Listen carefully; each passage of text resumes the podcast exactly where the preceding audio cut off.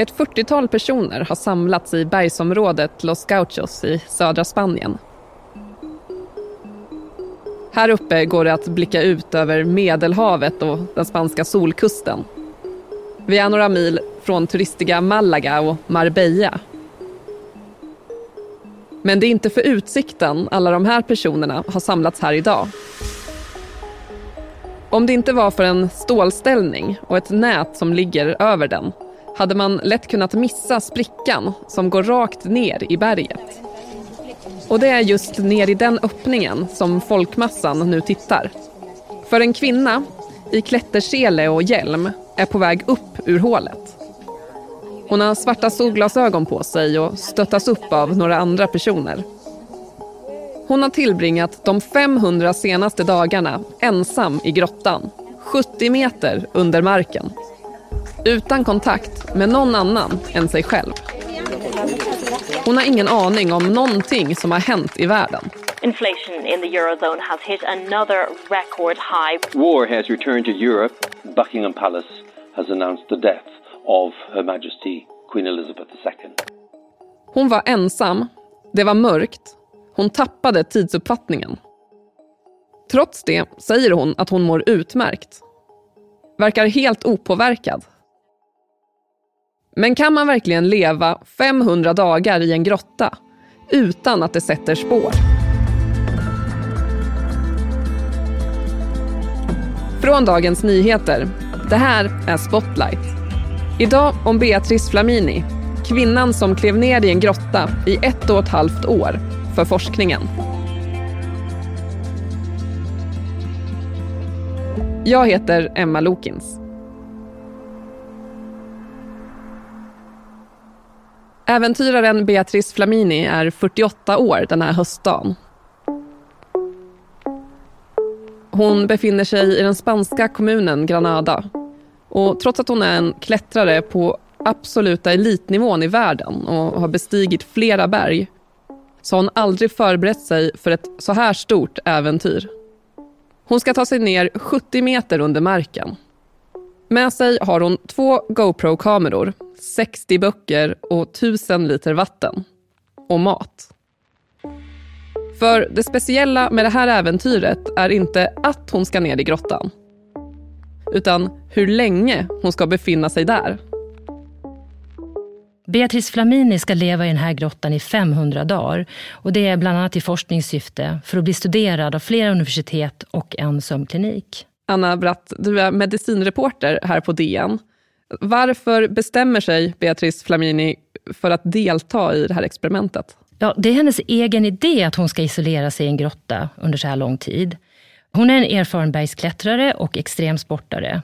Och hon vände sig till ett spanskt tv-produktionsbolag och föreslog att de skulle samarbeta och göra en tv-serie av det här experimentet. Så Flamini och tv-bolaget tog därefter kontakt med universiteten i Granada och Almeria och en sömnklinik. Och tillsammans så drar de igång ett projekt som de kallar Time Cave. Och det undersöker då hur social isolering påverkar människans psyke, kropp, tidsuppfattning, dygnsrytm och sömn. Och när Beatrice Flamini för sista gången ser dagsljus i november 2021 lever drottning Elizabeth av Storbritannien. Det är mitt i coronapandemin och flera länder fruktar strikta lockdowns nu när den nya coronavarianten omikron sprids över världen. Och i Ukraina flyter vardagen, än så länge, på som vanligt för befolkningen. Och så klättrar Beatrice Flamini, fastspänd med en sele, ner i grottan.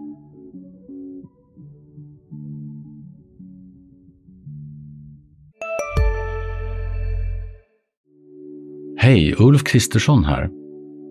På många sätt är det en mörk tid vi lever i. Men nu tar vi ett stort steg för att göra Sverige till en tryggare och säkrare plats. Sverige är nu medlem i Nato. En för alla, alla för en.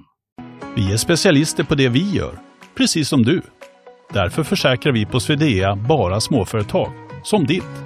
För oss är små företag alltid större än stora och vår företagsförsäkring anpassar sig helt efter firmans förutsättningar.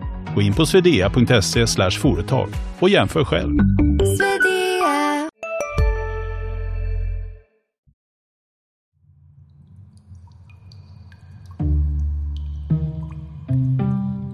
Håret är fuktigt och ett munskydd hänger nedanför hakan. Beatrice Flamini har vänt sin GoPro-kamera mot sig själv och filmar. Hon säger att hon ska visa runt i sitt så kallade vardagsrum. Hon filmar upp mot bergsväggarna och stalaktiterna som blir varmt beiga när hon riktar en strålkastare mot dem. Jag vet inte om ni kan se det, säger hon, men titta så vackert det är. Hon riktar kameran mot sig själv igen och säger att det är inte det att tiden går fortare eller långsammare.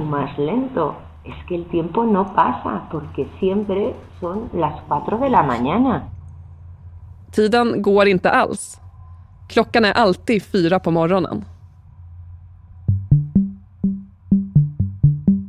Med sin kamera dokumenterar Beatrice Flamini sina träningspass, hur hon lagar mat och packar upp förnödenheter. Och i tidsvakuumet hittar hon saker att sysselsätta sig med.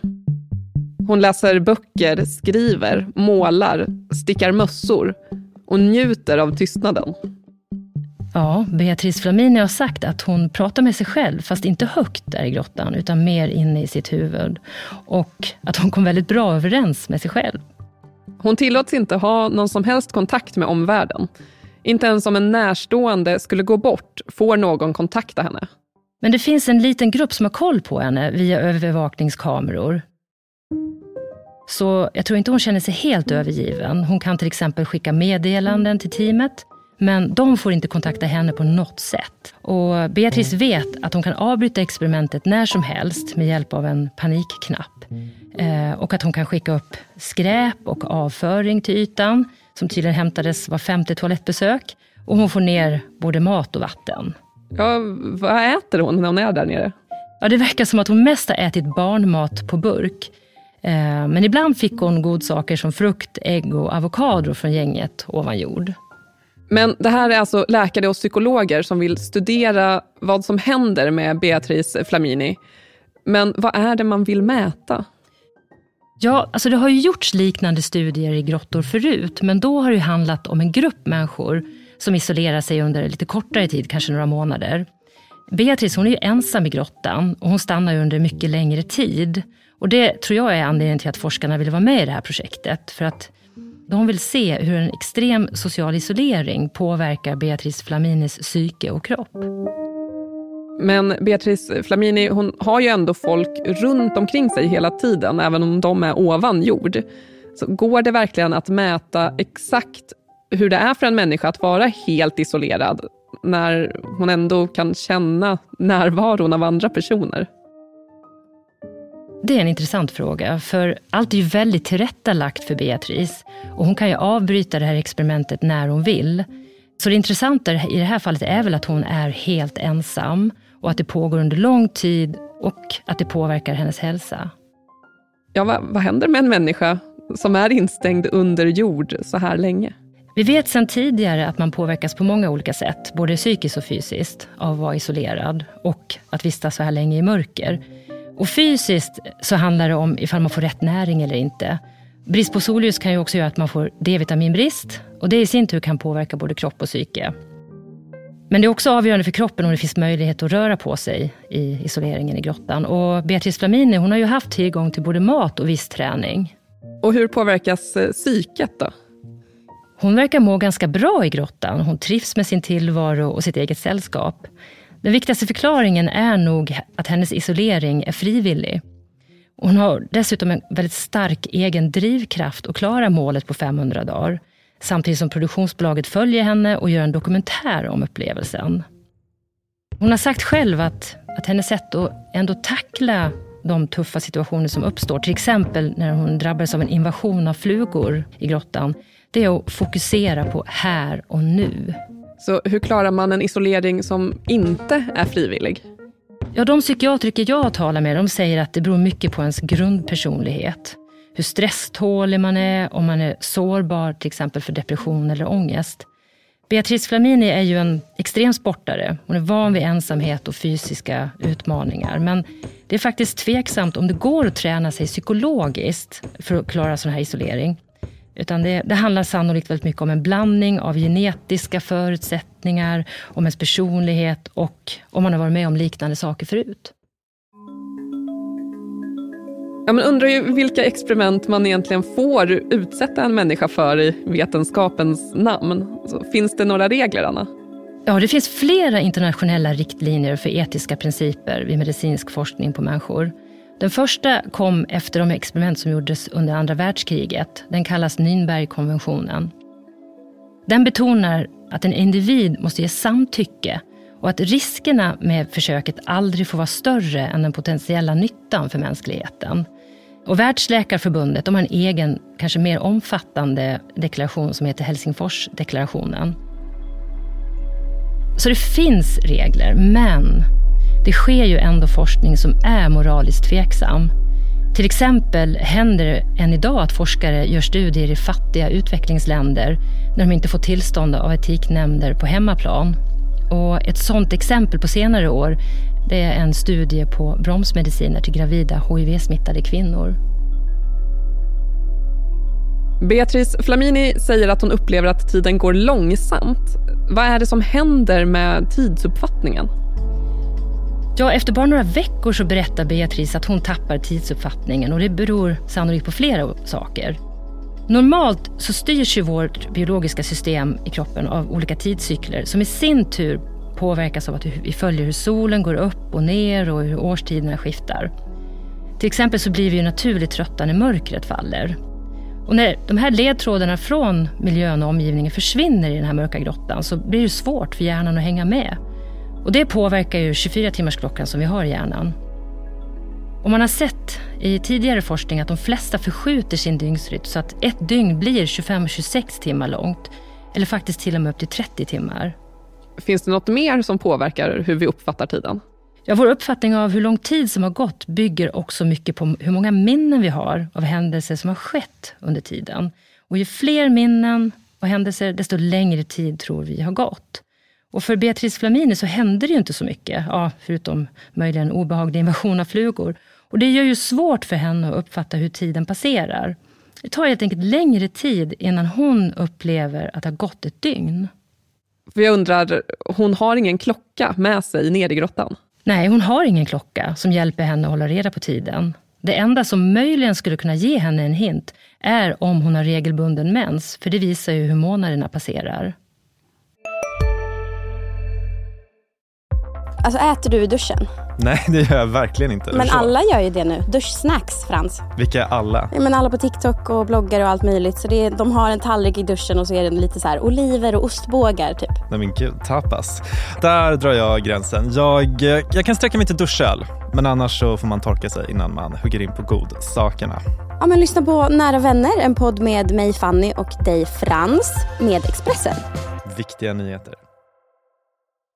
Hej, Synoptik här. Hos oss får du hjälp med att ta hand om din ögonhälsa. Med vår synundersökning kan vi upptäcka både synförändringar och tecken på vanliga ögonsjukdomar.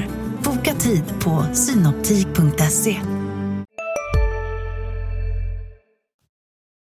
A 50 year old Spanish climber has spent 500 days in a cave trying to set a new world record. When Beatriz Flamini went underground, the world was still in the grip of the COVID pandemic. She now emerges into a very different world. Återigen utanför Granada i Spanien. Beatrice Flamini är fortfarande inne i grottan.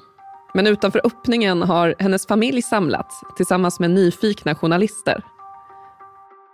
Men Beatrice är chockad. Har det redan gått 500 dagar? Hon har ju inte ens läst klart den senaste boken som hon har påbörjat. När hon nu tar sig upp från mörkret och för första gången på ett och ett halvt år ser dagsljus är det en 50-årig Beatrice Flamini som gör det. En fotograf har redan en stor kamera i ansiktet på henne och filmar medan hon fortfarande sitter fast i selen. Hon undrar vem som bjuder på fredagsölen nu efter ett och ett halvt år. Beatrice Flamini har klarat sitt uppdrag och experimentet inne i grottan är avslutat. Men nu börjar den andra delen av forskningen. Att undersöka hur en människa mår efter att ha varit isolerad i mörker och utan social kontakt under så lång tid. Snart ska äventyrarens mentala och fysiska hälsa undersökas av läkare. Men först ser hon fram emot en dusch. Hon påpekar att hon inte har rört vatten på ett och ett halvt år. Att få träffa vänner och äta en tallrik med pommes frites. Och så snart det går planera in nya klättrings och grottprojekt. Anna, du har ju varit i kontakt med psykologen som har följt Beatrice. Meningen är att forskarna ska följa upp hur hon mår nu när hon är ute ur grottan. Hur går det med det? Jo, psykologen berättar för mig att Beatrice läkare och tränare fortfarande försöker hjälpa henne att få dygnsrytmen tillbaka till normalläge. För det är många processer i hennes kropp som lär vara ur rytm med tanke på hennes förändrade 24 timmars klocka inte minst. Och forskarna har fortfarande inte fått träffa henne, berättar psykologen. Och han antyder att det kommer att ta tid innan det händer. Så man kan kanske inte leva i en grotta i ett och ett halvt år utan att det sätter spår? Nej, så är det nog. Det tar tid att komma tillbaka. Trots att det handlar om frivillig isolering.